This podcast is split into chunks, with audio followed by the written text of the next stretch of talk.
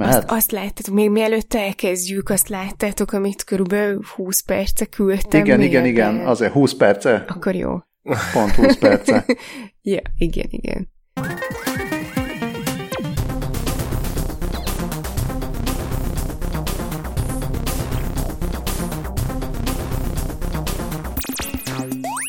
Drága hallgatók, szervusztok, ez itt a 20 perccel a jövőben, én Lövenberg Balázs vagyok, itt van velünk Scully, Sziasztok! Itt van velünk Dávid, Hello!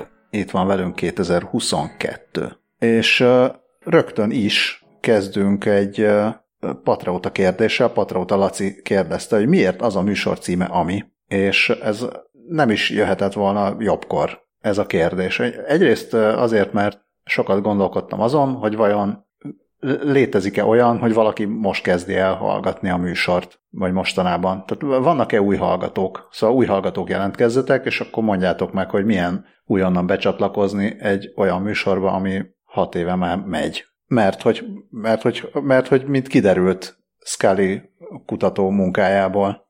Hát az derült ki, hogy holnap lesz hat éve, hogy felvettük az első adást, és ez egyébként a, azt hiszem, hogy a Patrióta Laci a levele kapcsán jutott eszembe, meg hát annak kapcsán is, hogy éveleje van, és, és ilyenkor mindig eszembe jut, hogy igen, és ezt így év, évelején kezdtük, és né- néha előszedem nosztalgiámból a, a, az első levelezést, amiben a, amiben a névről is ötleteltünk, és, és azért jó, hogy ilyen aranyhal memóriám van, mert ugye évről évre elfelejtem, és minden évben ugyanannyira tudok nevetni azon, hogy üvöltő pixelek, ami Dávid egyik ötlete volt a, a, a podcast nevére. Igen, én, én pedig újfent elborzattam a, a jövő manón, am, amit pedig pont te dobtál be, ha jól emlékszem. Hát én mondtam olyat, hogy a jövő menő, vagy a menő jövő, és akkor erre mondta Balázs a jövő manót. Ja, igen, nem baj, akkor ez egy ilyen csapatjáték volt. Már akkor is. Igen, már akkor is. Na de a 20 perccel a jövőbe azt uh, Damage, azaz Bari Marius dobta be, aki volt egy darabig műsorvezető társunk, de utána lelépett, mert azt mondta, hogy már pedig ő sokkal inkább csak a zenével akar foglalkozni, és nem pedig velünk, és, um, és az volt az érdekes, hogy amikor bedobta ezt, akkor én is, én is akkoriban valahogy találkoztam ezzel, hogy 20 perccel a jövőbe, pontosabban ennek az angol változatával, teljesen máshol, és, és akkor ebből a véletlenből aztán az lett, hogy ez lett a műsor címen, a, ez pedig a, egy brit TV-filmből ered, ami, aminek az a teljes címe, hogy Max Headroom, 20 Minutes into the Future, Max Headroom pedig a világ első számítógép által generálta, generált TV, tévés műsorvezetője volt, ami hát így tehát ez, ez így a háttérsztori, valójában ez a 80-as években született ez az egész tévésorozat és a, az ilyen backstory-nak kreált film. Max Headroomról, ugye Max Headroom ez azt jelenti, ez egyrészt névnek is jó, de, de amúgy azt jelenti, hogy, hogy ez a maximális magasság, ami, ahol így elfér a autó, vagy a, az ember, vagy akármi, tehát ez a, a vigyázz a fejedre, vagy vigyázz az autódra, és ez volt a neve a állítólag számítógép generálta műsorvezetőnek, de valójában ez egy színész volt, akire ráraktak mindenféle ilyen habszivacs izét, hogy úgy nézzen ki, mintha számítógép generálta lenne, meg egy ilyen vibráló, fura hátteret adtak neki, meg az egész, egész figura ilyen rendkívül bizarr volt. A tévéfilm egyébként fenn van YouTube-on, hát az egy ilyen jó, jó kihívás megpróbálni végignézni. Egy ilyen szűk, szűk egy óra minden esetre nagyon, nagyon futurisztikus az egész, meg olyan futurisztikusan hangzik, meg pláne most megnézve, meg teljes ilyen retro futur 80-as évek angol TV low budget rettenet. És mivel itt a 20 perccel a jövőbénél nagyon szeretjük a vicces neveket, itt most a vonatkozó Wikipedia oldalon megtudhattam, hogy a Max Headroom 20 Minutes into the Future zenéjét részben Chris Cross készítette, aki nem a 90-es évek ö, egyszámos hip-hop duója, hanem az Ultravox New Wave együttes basszusgitárosa. Wow. Én ehhez már csak annyit tudok hozzátenni, hogy, hogy köszönjük szépen Patreóta Lacinak ezt a, ezt a kérdést, ami ilyen csodálatos nosztalgiát indított el, illetve akár ezt is mondhatjuk, hogy köszönjük a kitüntető figyelmet. Oh, de gyönyörű. Hát ez annyira szép átvezetés, hogy én megszavaznám neked, ha nem is Tomislav király, de legalábbis egy ö, Krezimir Petár király nagy, nagy rendjét a horvát kitüntetések közül. Ugye beszéltünk a, a kiváló horvát feltaláló, mi is a neve? Máté Rimacról, és hogy ő megkapta a egészen pontosan 13.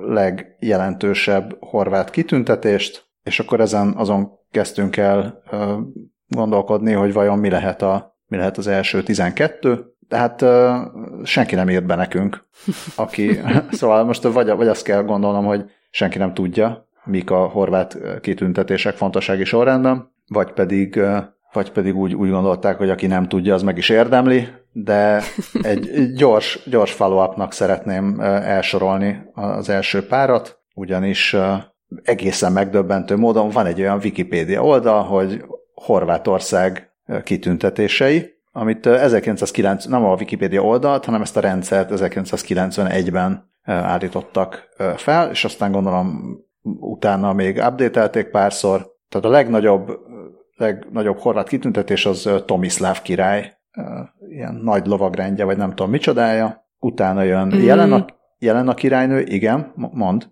Csak, csak annyi, hogy, hogy elég gyanús, nem lehet, hogy ő is a hallgatónk, mert hogy Tomival kezdődik. Hát igen, a szláv Tomik. Szláv Tomik szevasztok. Szóval utána jön jelen a királynő, utána Petár Krezimir, negyedik Petár Krezimir, majd utána Dmitár Zvonimir király, és az ötödik pedig Franyó Tudman. Hirtelen ugrással. Igen, ami Hát ez nem, ez nem a politika podcast, de azért, azért ez úgy érdekes. Utána uh, Trpimir uh, herceg, Branimir herceg, Domagoy herceg, utána Nikola Subic Zrinski, és utána, hanyadiknál tartunk, a tizediknél, a tizedik pedig a Jelasicsbán el. Na most nem tudom, hogy egy Jelasicsbán és Franyó Tudman összehasonlításból kijön neki egyértelműen pozitívabban, majd a történelem eldönti. Utána a leghosszabb nevű, az pedig Peter Zrinski és Frank Christoph Frankopán közös rendje, ami szintén egy, egy ilyen érdekes megosztás. Ante Starcevic, Stjepan Radic, utána jön a Danica Hrvatska, különböző variációkban, és aztán már csak ilyen kisebb, kisebb keresztek, mint a horvát kereszt, a horvát, ez a trefoil, ez, ez a, nem, nem tudom, három levelű lóhere, vagy mi lehet az a trefoil? Valami, amiből három van, igen. Hármas, hát, hármas kereszt, vagy mi? Tripla kereszt. A, Na mindegy. Melyik, és... melyik tudományák foglalkozik a kitüntetésekkel? Mert numizmatika az az érmek, a vexillológia az meg a zászlók, úgyhogy Jó. biztos van ilyen érdemrendészet. Szóval utána, utána viszont a utána viszont az interlace jön, a horvát interlace, ami szintén egy ilyen csomó valami, nem, ez egy, ez egy tradicionális horvát díszítő motívum, és, és nem tudom, hogy ennek mi, mi a magyar neve az Interlace-nek. Mm, uh, fonat? Meg, meg, megakadtam sajnos. Fonat, legyen fonat, utána jön a honvédőháború és a, és a haza köszönet nyilvánítása. Viszont ezt a kitüntetést nagyon, nagyon gyorsan át kell adni, mert a fonat nem vár. Mm, én közben meg gyorsan megkerestem a Wikipédián, és a kitüntetésekkel foglalkozó tudomány az a falerisztika. Jaj, a görög falera szóból származik, ami az ókorban a katonai érdemekért adományozott kör vagy félhold alakú kitüntető érméket jelenti. Kitűnő. Na, ezt mind megtudtuk, és uh, hát ezúton is újonnan gratulálunk Máteri Mácnak hát ha egyszer eléri a Jelasicsbán, vagy akár a Franyó Tudman érdemrendet is, addig viszont fejlesz az autókat. Már csak bele kell húznia, mert erős a konkurencia. Minden fontos dologról hallottunk már az autóiparban?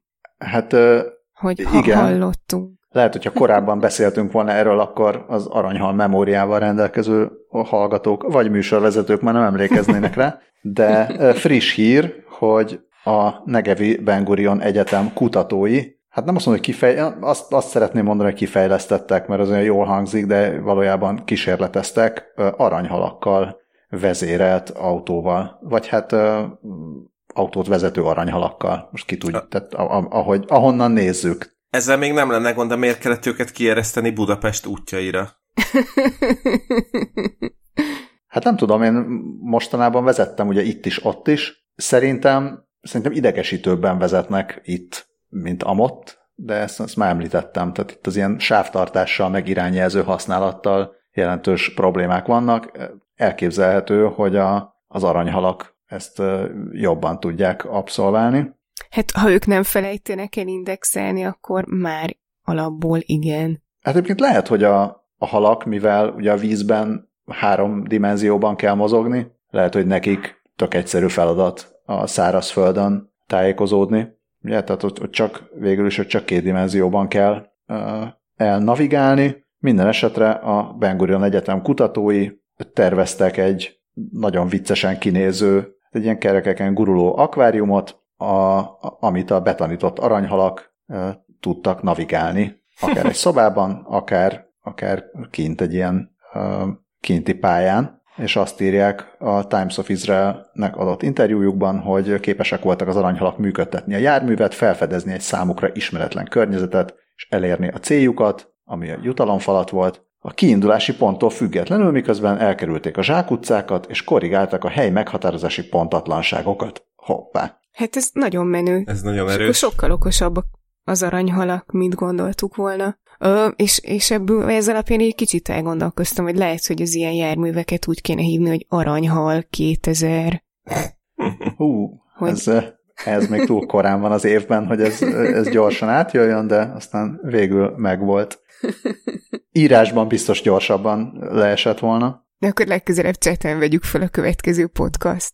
Na, viszont egyetem miért volt erre szükség, azt, azt nem árulták el, minden esetre az kiderült, hogy ezek a navigációs készségek, ugye a különböző állatoknak vannak mindenféle navigációs technikáik, meg stratégiáik, és ezzel azt bizonyították, hogy a navigációs készségek átvihetők a tengeri környezetből a szárazföldre, és hogy a tér reprezentálásának módja univerzális a különböző környezetekben. Úgyhogy ha, csak, ha, nem is, ha nem is kapunk repülő autókat 2022-re, bár még ez is elképzelhető, de legalábbis egy aranyhal vezérelte autó az a, már a láthatáron van.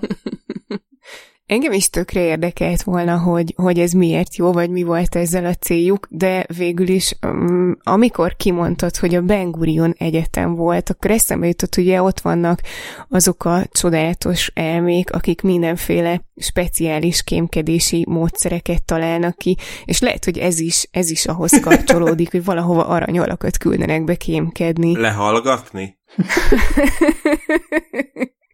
Igen. Igen. És akkor mondják a halak, hogy hallgatni arany. Szerintem egyébként akkora Ig Nobel-díjat fognak ezért kapni, hogy ki se látszanak majd alóla. Már pedig az nem árt, hogyha látszanak a dolgok. Ugye a biztonságos vezetés és biztonságos közlekedés egyik alapelve is a látni és látszani. Most, a, most, most ehhez a, a látáshoz segít hozzá egy új fejlesztés mindenkit. Na, milyen új fejlesztés? Lézer. És ezzel megérkeztünk az úgy lézer ki, mint a kibenéz rovatunkba. Ez Balázs, Balázs érdemel mai rovatizáció, ha jól sejtem. Ú, ugye már korábban beszélgettünk olyan lehallgatási technológiákról, ami, amihez elég volt annyi, hogy ö, egy lézersugarat rá lőttek egy ablakon keresztül, például egy chips egy zacskóra, emlékeim szerint ezzel kísérleteztek, és akkor ugye a, annak a rezgéseiből tudták vissza dekódolni, hogy mi, ha, miről beszélnek az adott szobában. Most egy kicsit emelték a tétet a Stanford Computational Imaging Lab kutatói, akik egy olyan módszert fejlesztettek ki, amivel úgy lehet képet alkotni egy zárt szobáról, hogy elég a kulcsikon keresztül belőni egy darab lézersugarat. Korábban már léteztek ilyen technikák, amit NLOS-nek hívnak, Non-Line of Sight képalkotásnak, ami, amihez korábban arra volt szükség, hogy legyen a megfigyelni kívánt szobában legalább egy, de inkább több nagy lapos falfelület, vagy ajtó, vagy padló, vagy ilyesmi, amit, amit viszont meg lehetett lőni a lézerrel vagy a kamerával. Itt akkor nem, ott nem lézert használtak, hanem fénysugarakat, és akkor az volt a lényeg, hogy ezekről a felületekről a fénysugarak tudjanak ö, pattogni, visszaverődni, és akkor ez, ez alapján tudták nagyjából összerakni, hogy mi lehet a szobában, a, attól függően, hogy milyen, mennyi idő alatt értek vissza a kamera szenzoraihoz a fénysugarak.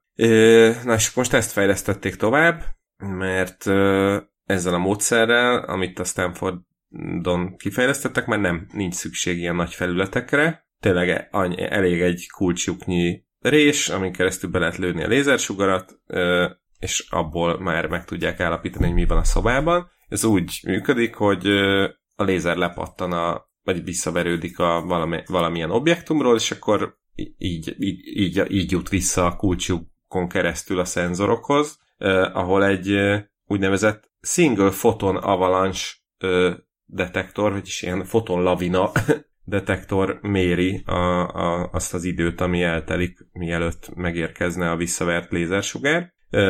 Ugye ez még kevés lenne a, az üdvösséghez, viszont a kutatók ö, egy mozgó objektumot mm, dobtak be itt az egyenletbe, és ö, ilyen hosszabb expozíciós időkkel használták a kamerát, ami mögé tettek egy mm, algoritmust, ami ebből úgy nagyjából megpróbálja kikalkulálni, hogy ahhoz, hogy adott idő alatt visszaérjen a lézersugár, ahhoz merre, hogyan kellett pattognia, és akkor ott milyen akadályok állhattak az útjában.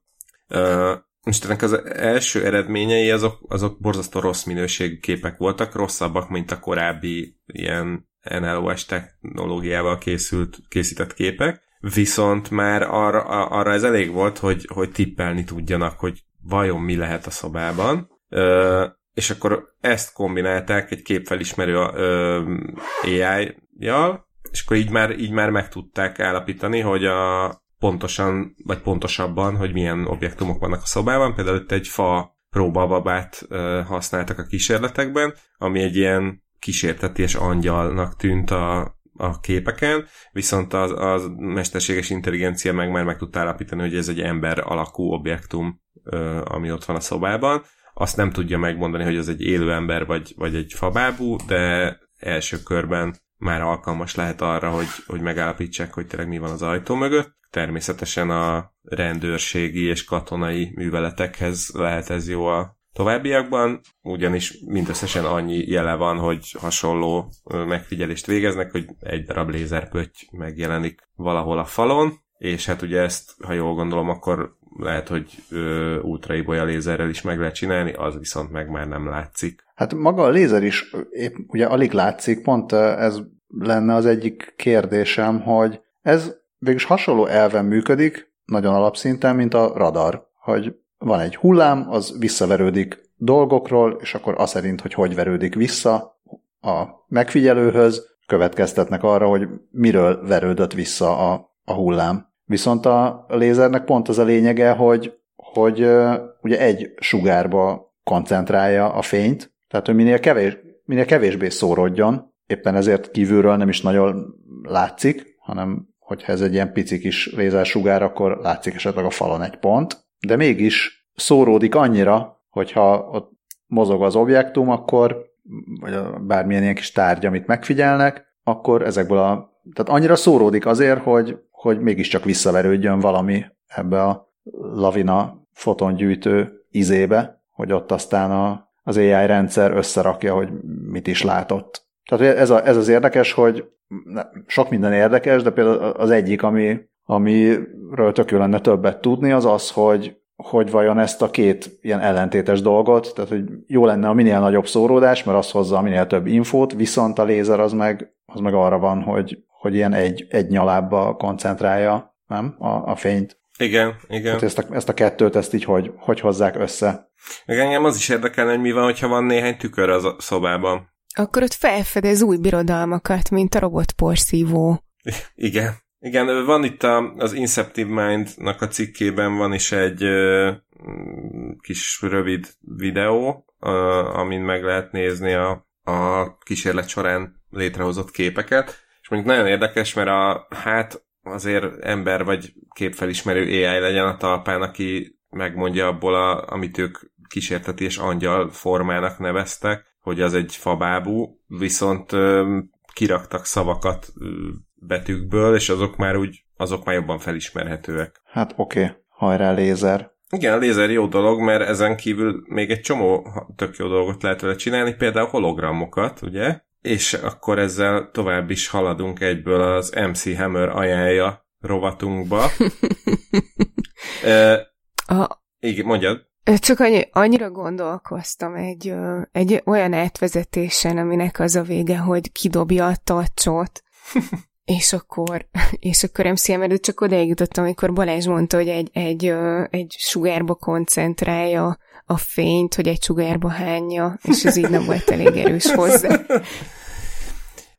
De most így legalább elmondtam a B-tervemet, de a tiéd jobb volt, úgyhogy mesélj arról, hogy mit csinál a lézer, meg a hologram. Igen, szóval... És mi köze ha... hozzá MC Hammernek? E, igen, igen, ez, e, ezzel kezdtem volna, vagy ezzel kezdem, hogy azért MC Hammer ajánlja, mert a következő hír, amiről beszélünk, arra abszolút e, rámondható, hogy you can touch this, ugyanis megtapintható, megérinthető hologramokat hoztak létre a University of Glasgow kutatói egy bizonyos Ravinder Dahia vezetésével, ahol mindenféle ilyen ha- hajtogatható elektronikus eszközökkel és, és ilyen szenzoros technológiákkal foglalkozó kutatásokat végeznek, és most egy olyan, olyan hologramot, hologram módszert hoztak létre, amit aerohaptikus felületnek neveznek, ugye a haptikus az az ilyen tapogatható, megérinthető felület, és itt, itt ezt ilyen sűrített levegő fúvókákkal kombinálták, ami lehetővé teszi, hogy hogyha látsz egy hologramot, akkor, akkor azt, úgy, azt annak úgy nagyjából érezd a, a formáját, körvonalait is, uh, ami, ami azért többek között azért lehet jó, mert a, például a virtuális valóságok, valóságban is remekül használható, anélkül, hogy szükség lenne hozzá ilyen, ilyen okos kesztyűkre, meg, meg ilyen kézbe vehető kontrollerekre. És ezt úgy néztem, hogy a, maga a kutató írt erről egy cikket. Igen, a, igen, igen. A Singularity Hubra, és akkor gondolom, hogy ennek a párhuzamos verziója majd hamarosan megjelenik a Pornhubon is, hogyha itt a tapintható hologramok alkalmazásáról fognak még gondolkodni. Igen, igen, igen. Ez tulajdonképpen egy, ugye egy átverés, mert hát itt nem ténylegesen a, magát a hologramot érinted meg, csak a, a, egy olyan érzetet kelt a, az agyban, ami, ami összekapcsolja a látottakat a, a tapintó mm, ingerekkel. Tehát az egész világ egy átverés. igen, igen. És akkor még azért érdemes itt végolvasni a cikket, mert a Ravinder Dahia ilyen elég komoly történeti visszatekintést is ír itt, hogy már a 19. században mm, tükrök és, és üveglapok segítségével létrehoztak ilyen 3D-s illúziókat. Ebből a leg, leghíresebbet Pepper's Ghostnak hívják.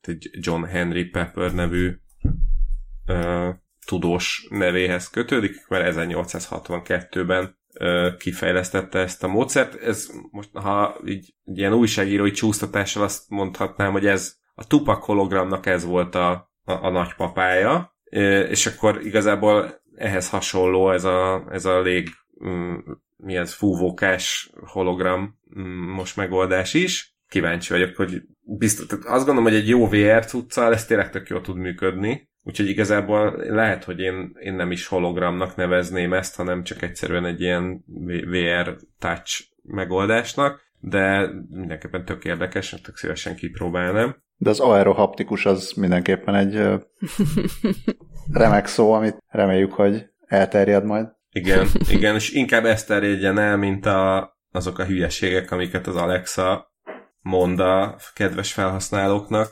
Ja igen, igen, mert a MC Hammer, a hashtag MC Hammer, szóval ugye volt ez a You Can Touch This, ilyen szóval dobtatta be a, ezt az aero haptikus hologramot, és pont akkor, amikor jöttek ezek a hírek, ami nem ma volt, láttam ezt a sztorit, ami, ami a You Shouldn't Touch This, hát a, ö, szöveggel raktam én be, aztán megírta az egész világ, jól felháborodott mindenki, hogy az Amazon Alexa azt ajánlotta egy tíz éves gyereknek, hogy konnektorba illesztett pénzérmét nyomkorásszon. Hát ez akkor, amikor beraktam egy jegyzetbe, akkor még úgy tűnt, hogy jaj, de érdekes sztori, aztán mondom azóta már lerágtak erről a csontról mindent, úgyhogy ezt csak olyan kis fél, fél hírnek raktam be, elolvasható mindenhol. Ma, majdnem megölt egy tíz éves gyereket az Amazon személyi asszisztense és egyéb clickbaites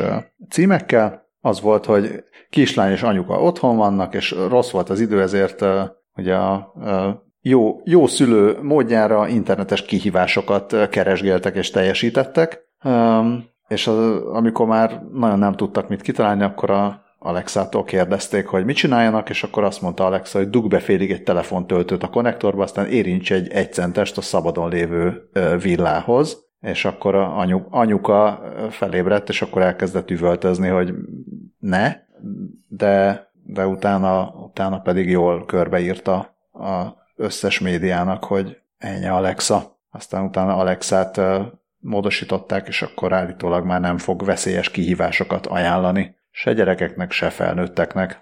Kedves hallgatók, ne, ne, ne vegyetek részt semmiféle ilyen internetes kihívásban. igen, igen. Az Alexa, Alexa ellen kell a protection. igen.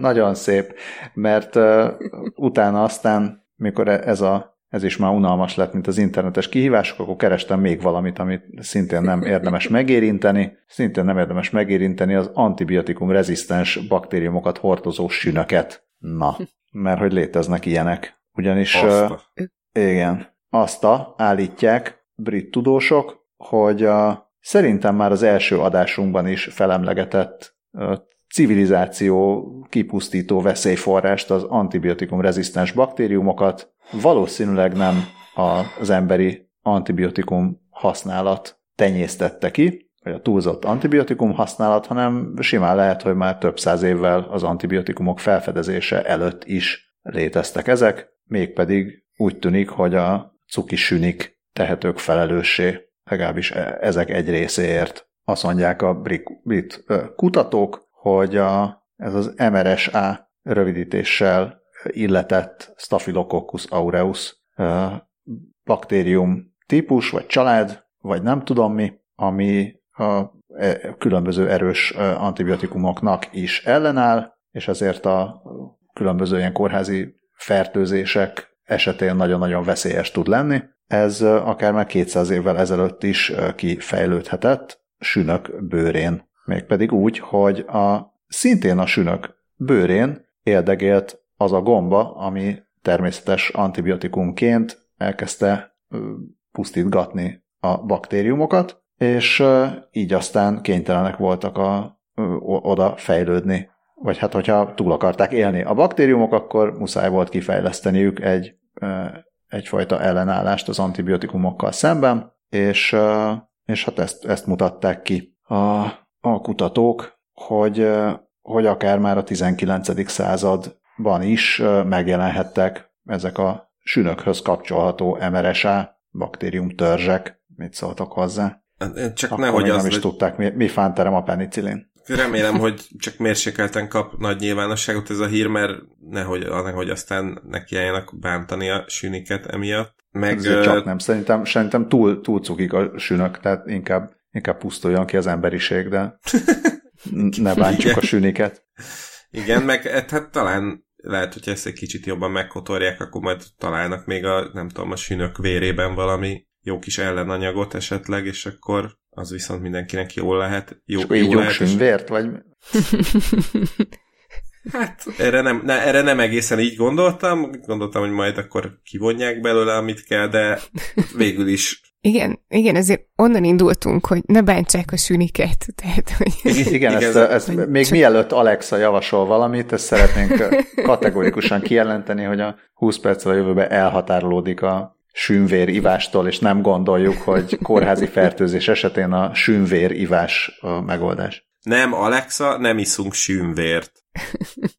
Na de az, az a, azért is fontos ez a kutatás, nem csak azért, mert jaj, de jó találtak egyet, hanem valószínű, hogy akkor a természetben több esetben is előfordulhatott ilyen baktérium evolúció. Ezt nem tudom, ezt egyáltalán evolúciónak mondják-e, de hogy kifejlődhettek egyéb baktérium törzsek is, amelyek ilyen természetes antibiotikumoknak ellenállnak. Ettől még azért azt mondják a tudósok, hogy ettől még ez nem azt jelenti, hogy amikor telenyomják a teheneket antibiotikumokkal, vagy a, meg az egyéb élőállatokat antibiotikumokkal totál fölöslegesen, az szintén nem járul hozzá ahhoz, hogy könnyebben kifejlődjenek a, az antibiotikum rezisztens baktériumok, tehát ettől még azért ne szabáljuk két pofára az antibiotikumokat reggelihez megelőzési szempontból. Abszolút. És a teheneket se bántsuk. Pláne. Na, mi az, amivel még, még lehet a fertőzések ellen tenni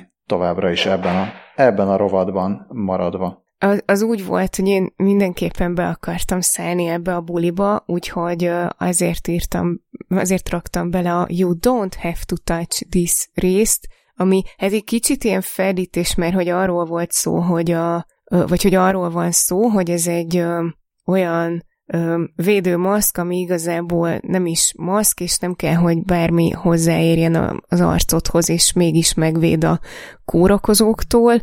Legalábbis ezt állítják a, a kitalálói, meg két a fizikus is. A, a Jenko Designon jelent meg, ami, amiről már beszéltünk korábban, hogy ott ilyen tök menő, ötletes design koncepciók vannak, de hogy a legtöbb az koncepció, viszont Viszont erről úgy írtak, hogy, hogy néhány dél-koreai designernek volt egy, volt egy ilyen ötlete, ami annyira menő volt, hogy, hogy még Red Dot design koncepció díjat is kapott, viszont mint kiderült, két két kutató pedig Alexander S. Szaharov és Konstantin Zsukov. Zsuki!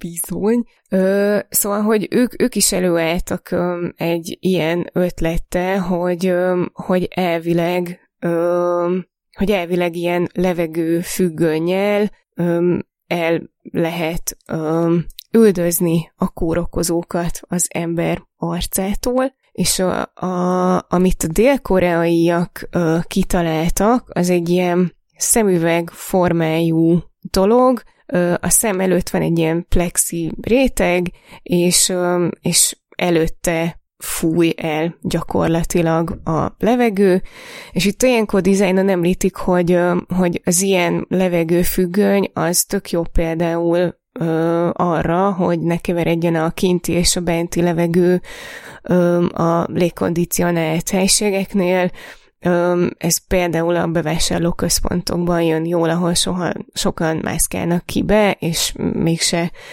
mégse melegszik fel a benti levegő attól, hogy nyitogatják a, az ajtót, sőt, állítólag a szúnyogokat se engedi be, és, és hát akkor ezek szerint a, a, akár egy ilyen dolog is lehetne maszk helyett, mert azt nem, azt nem említik, hogy akkor mi van, hogyha te vagy koronavírusos? Tehát, hogy így mer- mer- merre fújja el azt, azt a levegőt, amit te Azt is, azt is írják, igen? hogy a, a viselőből ki, kiáramló levegőt is ö, távol tartja a külvilágtól, tehát gondolom, hogy az úgy szétoszlik, ahogy elfújja, de hogy nem, nem fújod rá a, ar, arra, akivel mondjuk beszélgetsz. De hogy, de hogy hova kerül utána? Hát az úgy elfúj, tehát hogy ott marad a levegőben nyilván, csak úgy szétfújódik, és akkor az úgy nyilván a koncentrációja csökken. Aha. Hát jó, hát akkor úgy legyen. Díjat már kapott. Tök jó az ötlet egyébként, én, én kíváncsi lennék, hogy, hogy tényleg mennyire hatékony ez, meg, meg biztos nagyon sokan örülnének ennek, hogy tényleg nem kell maszkot húzigálni az arcukra. Azt azért mondjuk látom, ahogy ezt neki, el, neki elsz elmagyarázni a belépés csak maszkban táblánál, hogy tessék elhinni, hogy ez a fura szem, szemüveg, ami itt van a fejemen, ez megoldja ezt a dolgot. Illetve még az jutott eszembe, hogy most biztos verik a fejüket a falba a Google Glass fejlesztői, mert hát nagyon, nagyon szépen rá repülhettek volna erre a, erre a nisre. Illetve még azt feltétlenül említsük meg, hogy, hogy mi a neve ennek az eszköznek, mert az egy nagyon szép megoldás. Jaj, bocs, igen, hát tök jó, köszönöm, hogy mondod. Az a neve, hogy Airable, mint Airable, és hogy Wearable, azzal játszik, imádtam, igen, ez volt az egyik kedvencem benne. Mivel folytatod? Mérlegeltétek, hogy mivel kell folytatni? Uh, abba kell folytatni, hogy uh, ha új év, akkor újévi fogadalmak, úgyhogy ez itt az újévi rezolúciók rovat, mert uh, valahogy ez a ünnepek utáni első adás mindig olyan, hogy szerintem sose tudjuk pontosan, hogy már CES előtt, vagy CES után, vagy január első hetében, vagy mikor fogjuk tudni ezeket felvenni, és akkor keresgéljük a, a témákat, úgyhogy van egy ilyen kis mikrorovat arra, hogy újévi rezolúciók rovat. És ide találtam. Az egyik sztori az az, hogy van egy okos mérleg. Eddig, eddig nem tudom, hogy milyen okos mérlegről beszéltünk, minden esetre ez az okos mérleg, amit ugyan még az amerikai élelmiszer és gyógyszer ügyi hivatal, jól mondtam, Dávid? Majdnem, élelmiszer és gyógyszer felügyelet. Oké. Okay. Szóval, még nem hagyta jóvá, de ez mi már mi, mi nem várunk erre. Nekünk elég az, hogy a Withings okos mérlege akár az egyes testrészek súlyát is meg tudja mérni. Amit És ti remélem, hogy... Ti remélem, azt gondoljátok? Fontos? Remélem hogy, remélem, hogy nem arra gondolnak, hogy ilyen sorozatgyilkosok tudnak egymással uh, kommunikálni, hogy nálam most van egy 30 kilós láb, vagy ilyesmi, hanem, uh, hanem teljesen még, uh, még, még az emberhez csatlakoztatott, uh, vagy hát még, uh, még így egyben lévő ember különböző testrészeit és meg tudja, meg tudja mérni. Azért az, azt, azt a podcastok fenyegető aurával rovatba javasolnám a még, még egyben lévő ember ö, formulát. Igen, viszont képzeljétek el, hogy, hogy én egyszer erre a tudásra nagyon kíváncsi lettem volna, hogy hogyan lehet külön-külön megmérni az embernek a lábait, mert amikor eltörtem a lábam, akkor, akkor nagyon kíváncsi voltam, hogy, hogy mennyit nyom a gipsz mert, mert én pont akkor elkezdtem fogyni, mert általában hízni szoktak az emberek, akik, akik nem tudnak mozogni, vagy eltörik a lábukat, de én, én akkor is tökre szigorúan tartottam a diétámat, illetve egy kicsit vissza is vettem a szénhidrát mennyiségből, hogyha nem mozgom le, és elkezdtem fogyni, és egy idő után már így annyira érdekelt, hogy én most, én most vajon mennyit fogytam, de senki nem tudott egy jó módszert erre, Ö, illetve, hát úgy úgy eltem, hogy meg így, azt tudom, hogy Facebookon körbe kérdeztem, hogy ezt valaki tudja-e, hogy, ö, hogy, hogy mennyit nyom egy normál gipsz, mert én nem a könnyítettet kértem, de senki nem tudta nekem megmondani, ö, viszont utána én így lemértem magam, és 80 dekával voltam könnyebb gipsz nélkül. Úgyhogy én akkor nagyon örültem volna egy ilyen okos, ha, ha kipróbálhatok egy ilyen okos mérleget, így nem tudom, három percre, mert több időre nem biztos, hogy kellett volna. Hát lehet, hogy a korábbi mérlegek szerint láb is láb, és nem tesznek különbséget, de a, a Widdings meg tudja mérni. Szerintem azt csinálják, hogy megmérik a testzsír arányt, meg víztartalmat, meg meg mindenfélét, és az egész testre vonatkozóan, és akkor utána lehetséges, hogy ilyen végtag hosszúságok meg hasonlók alapján számít egy, egy ilyen külön testrészekre lebontott súlyt. Ezt valami ilyesmit írnak róla. Emellett elektrokardiogramot is tud mérni, meg minden egyebet is. De, de azt nem tudom, hogy az miért jó, hogyha tudod, hogy a, nem tudom, a bal felkarod az, az hány kiló. Ezt, ezt hát, nem írják, hát, csak de, de tudja, de meg tudja mondani, hogyha esetleg kell például. Hát esetleg lehet, hogy azt meg Nem elég. Nem elég, meg meg tudod állapítani, hogy mit kell még fejleszteni a, a konditeremben másnap, mert lehet, hogy nem tudom, ilyen, van mondjuk egy fél oldalas, egy, egy kenus aki mindig csak az egyik oldalon húz, akkor egy idő után rájöhet, hogy akkor egy kicsit ki kellene egyensúlyozni a dolgokat, és akkor ezzel nagyon pontosan meg tudja mérni, hogy mennyit kell még emelni. Hát ezen egyébként én is gondolkoztam, hogy az én um, 2016-os dilemmámon kívül még, még mire lehet jó, de nekem se jutott eszembe um, nagyon konkrét példa. Igen, sajnos a darabolós gyilkos a legjobb megoldás, azt hiszem, tényleg. Hm, ja. Igen, ezt a poént lecsaptad. Ó. Oh. Nagyon okosan. Mert, mert, mert, mert ahogy a Apple szlogenje is tartja, de ez a csap for that. Uh, igen, és ez a csap, ez a Moen, vagy Mőn, um, megint csak ugye, a nem szokványos cégnevekhez szeretnénk egy kiejtési uh, útmutatót általában. Szóval a, én most Mőnnek fogom majd mondani, mit szóltak hozzá. Uh, gesztus vezérelt csapot fejlesztettek ők ki, Mőnék. Döbbenet. Ja. M- mégis inkább is... Moen. Végül is az is jó, még, jó. bocs. Moend, ahogy csak akarod.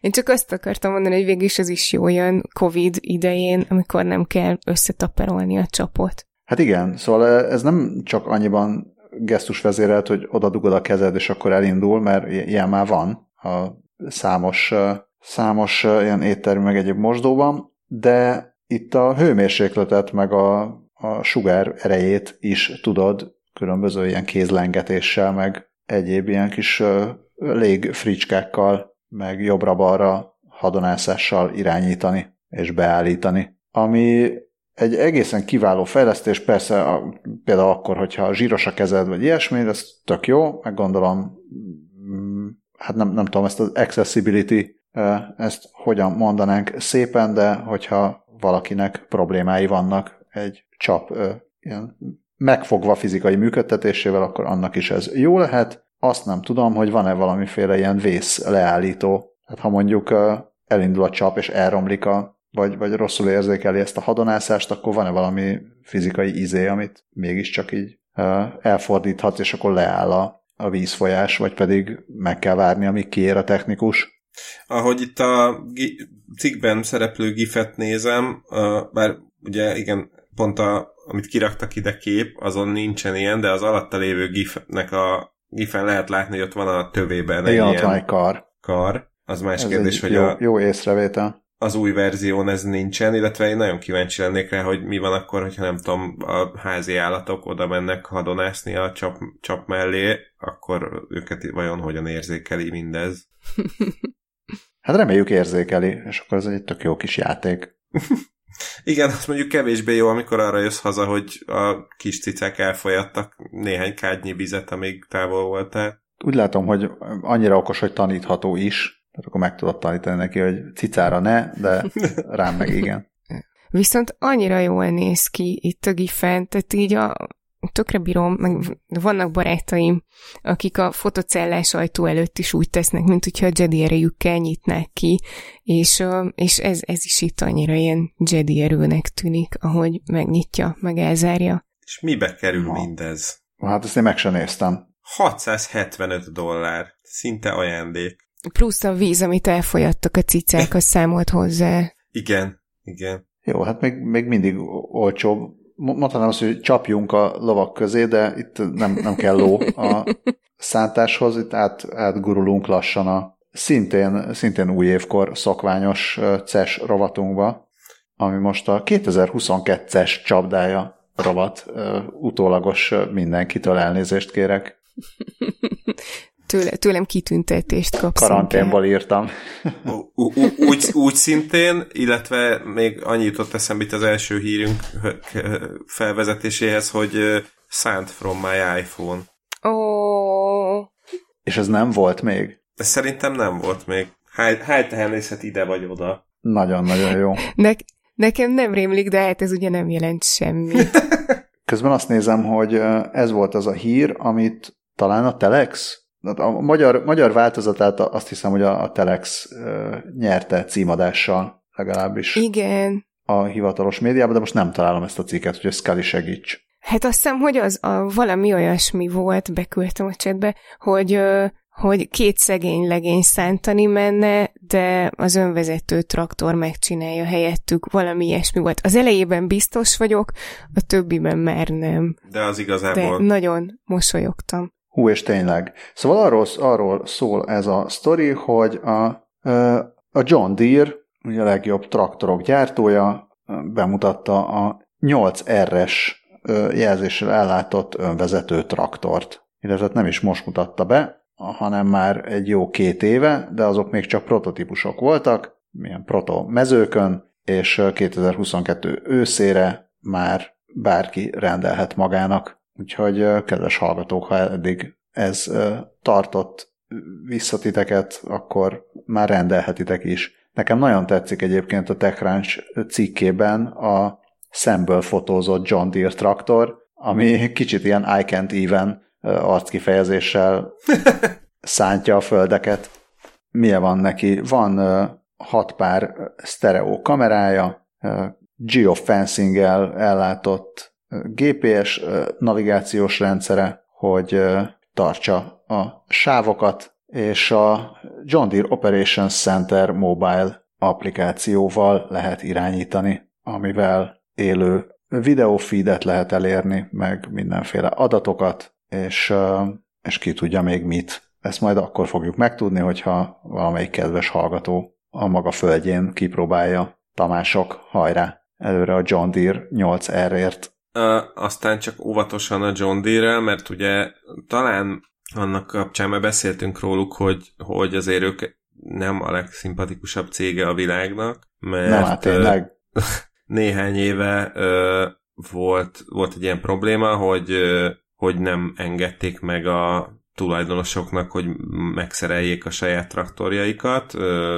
Ez konkrétan így olyan, hogy konkrétan így fel kellett hackelni a traktoroknak a szoftverét, mert a John Deere közölte, hogy az már pedig nem a tulajdonosok tulajdona, már mint a szoftver, ami a megvásárolt traktorjukon fut. Aztán nem tudom pontosan, hogy mi lett a, a, a vége, azt tudom, hogy az ilyen a javítás jogáért küzdő ö, szervezetek pert indítottak a cég ellen, amit talán meg is nyertek, úgyhogy hát reméljük. Igen, ezt mostanában meg szokták nyerni. Igen, uh, igen, igen. Általában ez most, szerintem most volt egy ilyen talán hét szűk esztendő, amikor lehet, hogy nem pont hét, meg nem pont esztendő, de, de azt gondolom, hogy ez egy ilyen átmeneti időszak volt és van, amikor, amikor ilyeneket tudnak mondani a cégek, hogy te nem szerelheted meg a saját cuccaidat, és szerintem, hogyha ez a, hogyha itt az Apple is már veszít ilyen pereket, akkor elképzelhető, hogy nem a John Deere lesz az utolsó védőbástyája annak, hogy már pedig csak is ők nyúlhatnak a szoftverhez, vagy hát főleg inkább a hardwarehez. Gondolom azért a szoftverben nem fognak belenyúlni, tehát olyat, olyat azért csak nem szabad. Hát erre iszunk. Jaj, mit iszunk? Ez is CES. A részben CES, részben Silicon Valley, mert a, egy izraeli fejlesztő cég mutatja be a, az interaktív AI bartendert a CES-en, akit Ceciliának neveztek el. És nem mondanám, hogy teljesen 2022-es grafikával mutatják be Ceciliát azért, inkább olyan 2012-essel. Igen, és ráadásul egy, hogy... már az elején egy kihagytak egy óriási zicsert, hogy nem Cecilai lett szegénynek a neve, de hát... Hát Cecilia.ai. Igen, igen. Igen, tényleg olyan, mintha a Simsből szökött volna. tényleg, tényleg. Vagy hát nem, nem tudom, milyen a, a mostani Sims, lehet, hogy a, a Sims most már ennél sokkal jobb. A, mindenesetre a Cecilia weboldalához nem, lehet, hogy maga Cecilia írta, vagy, vagy valami közepesen tehetségtelen copywriter a szöveget, mert így nagyon poénosnak, meg jó fejnek akar tűnni, de azért mérsékelten sikerül. Hát ez kicsit olyan, mint Boris Vian koktél zongorája, hogy, hogy kever neked mindenféle italokat, hangfelismeréssel, interaktív beszélgetésekkel, különböző brand üzenetek kommunikálásával és biztonságos fizetéssel, valamint a kedvenc kifejezésem így januárból a human less interaction. Ami, nem, nem tudom, hogy mi értelme van az embermentes interakciónak. Lehet, hogy robot kér Ceciliától italt a CESen? Erről videót hát, kérünk. Igen. Igen, illetve én nagyon kíváncsi lennék, hogy a, azért a kellemesen beitalozott versenyzők kissé kásásodó beszédét, azt milyen szintig ismeri fel. Illetve, hogy van-e olyan, hogy ezt már nem ismertem fel, amit mondtál, úgyhogy ö, add át a kulcsodat. És itt egy szóda. Hív, és, és hívok neked egy taxit, igen, és itt egy szóda egy aspirinnel. Hát é, ez olyan, ez olyan ceses. Közben próbáltam itt ezt a YouTube videót elindítani, ahol valami nagyon fura kattogós zene indult el, de én nem tudom, hogy 2022-ben egy ilyen videót hogy lehet emberek elé rakni, mint amit ezek ide raktak. Pedig az, hogy ezt még 21-be csinálták, de már 21-be se. De ez tényleg olyan, mintha egy tíz évvel ezelőtti Sims DLC lenne, ahogy, és akkor berakhatod Ceciliát a szím, szím, szím, szímjeid lakásának a sarkába. Minden esetre a videón egy darab komment van, egy hónappal ezelőttről, és nem tudom, hogy ez, ez vajon spanyolul van, vagy, vagy valami hasonló nyelven, de, és nem tudok spanyolul, de azt mondja Tinho SSJ, amivel egyébként teljesen egyet tudok érteni, bár nem tudom mit mond, hogy La estupidez más grande que he visto. A legnagyobb hülyeség, amit valaha láttam. Szóval... Uh, gyanús. Egy kicsit, uh, kicsit ez gyanús, reméljük, hogy jobb dolgok is lesznek a cesen. Eszembe jutott az ötödik elemből egy, egy momentum, amikor a Vito Cornelius atya éppen ö, lecsúszik a, ö, arról, hogy megmentse a Lilut, és akkor a az ilyen űr, űrrepülőtérnek a bárjában szomorkodik, miközben így folyamatosan töltik újra az italát, és akkor ott beszél a, a bárpultossal, és akkor a, azt mondja, hogy hát ez, ez, ez olyan emberi dolog, hát ezt, te, ezt megérted te is, nem? És akkor egy vált a kamera, és akkor, akkor derül ki, hogy egy robot a, a, a pultos, amelyik ilyen szomorúan megrázza a fejét, és csak annyit mond, hogy még egy italt. Tényleg. És akkor így ö, valaki mondta már, hogy bár ne találták volna ezt ki. Most már igen. E inkább mit találtak volna ki? Oh, ha, haj, de szép átvezetés. Uh, hát igen, uh, ez is egy nagyon ceses uh, fejlesztés, de, de talán ez így a spektrumnak a másik vége, mert ebben azért némi ilyen menőségi faktort fel lehet fedezni. Uh, a BMW ugyanis bemutatott egy olyan autót a CES-en, aminek a külsejét ilyen e- e-ink technológiás panelekkel borították be, ami azt eredményezi, hogy, hogy hát kvázi egy gomnyomásra meg tudja változtatni a színét. Érdemes megnézni, van itt egy ö, beillesztett videó, egy twi- twitteres videó, amin látszik működés közben. Ilyen döbbenetesen jól néz ki, szóval ez tényleg ilyen a, a legsúlyosabb sci-fi filmek uh, VFX uh, varázslatát, varázslatait idézi. Uh, ezt egyébként a elektromos BMW iX uh, modellt választották erre, és ezért iX Flow-nak hívják ezt a, ezt a változatot, és azt mondta róla Frank Weber, a BMW uh, igazgató tanácsának az egyik tagja, vagyis hát azt írta a közleményben, hogy a jövőben a digitális élmények nem csak a képernyőkön történnek majd, hanem egyre jobban összeolvadnak majd a valós és a virtuális dolgok, és, és hogy ezzel a megoldással életre keltik a, az autót, illetve Stella Clark a, a, a ennek a Ennek semmi értelme nincsen ennek ez, a projektnek a vezetője mondta azt, hogy, hogy a, ugyanúgy, ahogy kiválasztjuk a, a ruháinkat és a, a közösségi médiában a státuszunkat, mondta néhány évvel lemaradva a trendekről. Stella Clark ugyanúgy kiválaszthatjuk az autónk színét is. Hát igen. Igen, ennyi. E, e, ennyi, ennyi Tényleg kiválaszthatod az autó színét. Ennyi és nem több, nem? igen. Uh, ugye ez elsősorban, első körben valószínűleg a bűnözőknek lesz majd nagyon hasznos, uh, de egyébként uh, még azt is mondta uh, Stella Clark, hogy például arra is jó lehet, hogy az autó elkezdhet különböző színekben villogni, hogyha egy nagy parkolóban nem találod az autódat.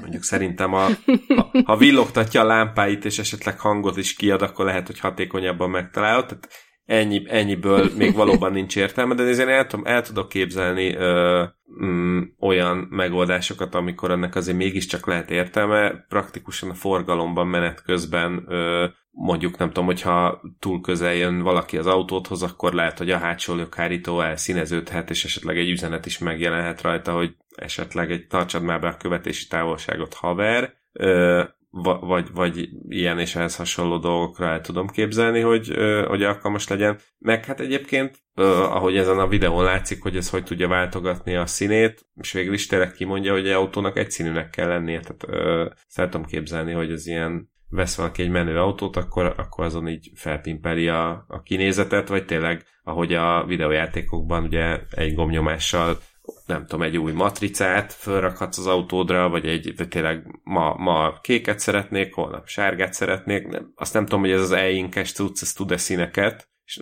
nem csak ezt a fekete-fehéret, de, de, de hogy, hogy igen, e, e, erre jó lehet, és egyébként erre az a helyzet, hogy sajnos nagyon nagy igény van az autóvásárlók között, körében, tehát na, mármint arra, hogy így testre lehessen szabni az autókat. Ö, a, a, azt én csak üdvözölni tudom, hogyha színesebb autók jelennek meg az utakon a sok fekete-fehér meg ezüst mellett, aztán, hogy ezt, ennek ez a módja, azt nem tudom, de, de az egy biztos nagyon menőn néz ki, hogy mennyi értelme van, azt már innentől mindenki eldöntheti maga. Hát igen, meg hogyha tényleg nem, nem csak az egyszínű mehet rajta, hanem feliratot is lehet, akkor, akkor az már teljesen új lehetőségeknek nyit kaput. E, ez az egyik, amit te is mondta, hogy a mögötted ö, jövő autónak üzenni rajta. Szerint lehet, hogy erről már beszéltünk korábban is, hogy ilyen, ilyenre jók lennének mindenféle technológiák, meg hát ahogy még meséltél, az jutott eszembe, hogy ö, hogy akkor ez egy ilyen reklámfelület is lehet, és már látom magam előtt a, az influencereket, akiknek ilyen autójuk van, és minden nap más terméket reklámoznak vele, mert minden nap más, mástól kap repi ajándékokat cserébe. Hát igen, vagy tényleg például egy ilyen, nem tudom, uh, civil rendőrautó pillanatok alatt hivatalos rendőrautóvá tud alakulni, hogyha úgy, úgy hozza a szükség, meg ilyenek. Majd meglátjuk, hogy egy, ez, ebből több lesz-e ilyen gimmicknél. Valószínűleg nem, de ki tudja. Igen, ez az, az mondjuk azért érdekes, hogy ha jól emlik, akkor a forgalmiban például benne kell lennie az autószínének. Tehát, hogy akkor erre kitalálnak valami külön kategóriát, hogy autószíne úgyis mindegy. Hát igen, ez egy érdekes dolog, mert ugye például a, a sárgára fóliázott taxiknak a forgalmiában is az eredeti szín van benne, meg egy csomószor, hogyha így lefóliázzák az autót, a forgalmi még ugyanúgy ott marad az eredeti szín, igazából ez így szerintem nagyon nem foglalkoznak vele. De igen, az mindenképpen érdekes, hogy autó színe, mikor milyen. hát meg ez gimmicknek úgy is jó lehet, hogy simán lehet, hogy mész az autóval, hogyha éppen kell, akkor rányomod a rendőrautó külsőt, aztán utána, hogyha jön a rendes rendőr, akkor meg visszanyomod az egészet, és megmondod, hogy nem történt semmi, nincs itt semmi látnivaló. Szóval itt a, azt nem tudom, hogy mikor lesz, mint ahogy, mint ahogy ez a parkolóban jelzés, ezt gondolom nagyságrendekkel olcsóbban meg lehet oldani más módszerekkel, tehát ehhez nem kell e kell bevonni az egész autót, hogy megtaláld a parkolóban a, az autót, amit elfelejtette, hogy hova parkoltad. Tehát simán lehetne akár egy ilyen kis, egy ilyen AirTag-szerű megoldással, hogy jelezze a, akár a telefonod, vagy, vagy bármilyen egyéb eszközöt, hogy hello, itt van az, az autó. Ugyanígy elképzelhető, hogy azért a fóliázás is mindig is olcsóbb lesz, mint bevonni valami olyan egyéb okosabb, drágább anyaggal az egész kocsit, amit hogyha nem tudom, valaki odaveri a parkolóban a, az ajtaját, vagy megkarcolják, vagy valami, akkor, akkor cserélhetett több millióért az egészet. De gazdag embereknek biztos tök jó lesz, hogy na, nekem színváltós autóm van Dubajban. Igen, még, még azon, még arra azért kíváncsi lennék, hogy tényleg mit tud ez, a, ez az einkes cucc, mert itt ebbe, pont ebben a beillesztett tweetben írják, hogy ez nagyon érzékeny a hőmérsékletre, úgyhogy a CES bemutatón is volt egy tartalékautó, hogyha a bemutatóra szánt darab túl meleg, meleg lenne, vagy túlságosan lehűlne. Úgy, Viszont nem bántja az... a szemet, ha olvasol. I- igen, igen, igen. Igen, úgyhogy hát ennyit tud. Hát a regényeket, Viszont- hogyha szeretnél az autódra rakni, akkor inkább ezt javasolják. Hát meg autóversenyekre lenne tök jó, közben rájöttem. Olyan autóversenyekre, ahol csak mondjuk türkíz autókkal lehet versenyezni, és eddig más színűnek kell lennie a kocsinak, és akkor odaállnak a rajthoz, és mondják, hogy elkékülni, vigyázz kész rajt. Ja. Mondjuk egyébként Ez arra egy- jó lehet, hogyha új szponzor jön, akkor nem kell átbirizgálni a teljes festést, csak úgy az adott pixeleket kell megfordítani. Milyen okos koncepciók ezek. Na de van még ennél is okosabb koncepció. Hát ez már, ez, ez valóban csak egy koncepció, egy kis levezetés a végére. Uh, ugye az okos otthon technológia nagyon pörög mostanában, de hát már régebben is voltak mindenféle okos, okos otthonos okoskodások. Uh, ugye hát már Bill Gates 90-es években már rengeteg sok pénzből épített magának okos otthont, de, de még jobban, még, még régebbre visszamenve az időben uh, azt lehet tapasztalni, hogy bizony a Szovjetunióban is foglalkoztak már az okos otthon ötletével, és, és egy nagyon parádésen össze, összerakott koncepciót sodort elém a, az internet. Ö, Sphinx, egy Sphinx nevű ilyen okos otthon koncepcióról van szó, amit 1987-ben Dimitri Azir, Azriken ö, formatervező, szovjet formatervező álmodott meg. Ö, azt ö, írja a médium, hogy a Sphinx az ö, oroszul a szuperfunkcionális integrált kommunikációs rendszer rövidítéséből tevődik össze, és azért jött létre, hogy egy forradalmi számítógépet kellett megterveznie Azrikánnak és két kollégájának, és ebből lett ez a otthoni automatizáló rendszer, aminek az volt a célja, hogy az összes ilyen doboz alakú dolgot lecserélje, tévét, magnó, óra, telefon, ilyesmiket, és egy olyan rendszert kerüljön a helyére, ami, amivel lehet vezérelni az otthoni dolgokat is, de hogy például olyan orvosi, diagnosztikai funkciók is mm, kerülnének bele.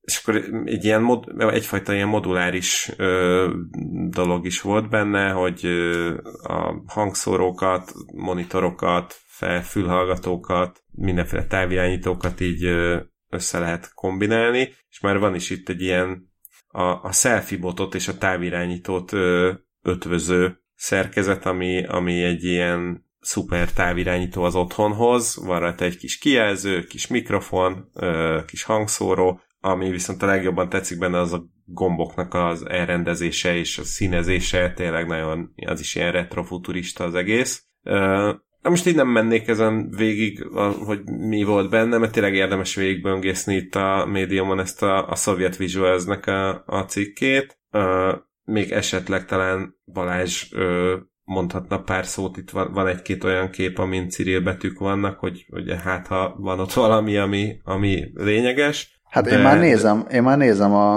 a orosz nyelvű forrás anyagokat, és hát ha valaha is feltalálják az időgépet, akkor mindenképpen elmegyek saját magamhoz 1987-ben, és megmondom, hogy azon fizessek elő a Technicseszkaja Esztjetika című folyóiratra, ha belegondolok, hogy ilyeneket olvasgathattam volna általános iskolában, akkor zokogok. Nekem ez a né- név nagyon tetszik, és, és egy kicsit gyanús, mert hogy, mert ugye a nasa szoktak ilyen nevek lenni, hogy, hogy valami öm, sok okos szó rövidítéséből egy másik okos szó jön ki, úgyhogy nekem gyanúsak ezek a szakemberek, lehet, hogy titokban a názának dolgoztak. Hát az, hogy Dmitri Azrikán, amit, amennyire látom, ő az Egyesült Államokba költözött, Na, és ö, Chicagóban dolgozik, szóval simán lehet, hogy, hogy a názának ő adta az ötletet, hogy ez egy, ez egy jó módszer rövidítések és projektek elnevezésére. wow. És Még most láttam az, az egyik utolsó képen, hogy ez a bézs és narancssárga színvilág mellett világos és sötétkék színösszállításban is hoz, ho, létezett, vagy hát legalábbis megtervezte az Rikán ezt a rendszert. Tényleg nagy, én, én is szeretnék egy, egy olyan időgépet, ahol ez, ez megtekinthető és működő valóság.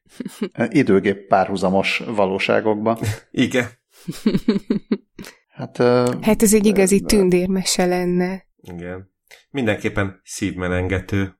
Jaj, igen, ez sokkal szebb és konkrétabb átvezetés az utolsó hírünkre, amit nekem egyszerűen muszáj volt beletenni, mert az történt, hogy Elon Musk véletlenül fázós cicáknak épített téli melegedő helyeket. Nem ez volt a célja igazából, hanem csak az történt, vagy az derült ki, hogy a, a Starlink műholdas internet hálózatához szükséges vevőegységek, azok ilyen tányérformájúak, és, és a kóborcicák rájöttek, hogy ez, hogy ez fe, kicsit felmelegszik, és télen nagyon kényelmes nekik ezeken a tányérokon pihenni, amint azt az egyik Starlinkes előfizető meg, megtekintette, vagy észrevette, és aztán még, még egy hőkamerával leismérte, hogy valóban meleg a tányér, és azért fekszenek rá a cicák. Egy pillanat. még hogy, még hogy Elon Musk semmi jót nem tesz. Igen, és az jutott eszembe erről a hírről, hogyha, hogyha most vennénk fel azt az adást, hogy, hogy Elon Musk amiben Elon Muskról beszélünk, akkor, akkor ahhoz a részhez, hogy milyen jó dolgot csinált Elon Musk, vagy milyen jó vele kapcsolatban, akkor biztos, hogy ezt raknám bele. Abszolút. Hát ez, ezért ez béke Nobel-díj, vagy nem tudom, ezért, ezért, ezért nyugodtan kerülgessék csak a NASA űrhajósai a Starlink műholdakat, mert hát ez csodálatos. De én ezeknek a cicáknak is adnék egy nép béke Nobel-díjat, mert milyen egészen barátságosan ott összehúzódtak. Igen. I- igen, nagyon cukik. Bár egyébként le- lehet, hogy az űrben nem kell ö, ne, nem kell feltétlenül kerülgetni a műholdakat, tehát hogy nekem az is oké, hogyha Elon Musk innentől kezdve csak melegedő tányérokat gyárt cicáknak. Igen, lehet, hogy azzal jár mindenki a legjobban. A cicák biztos. Igen.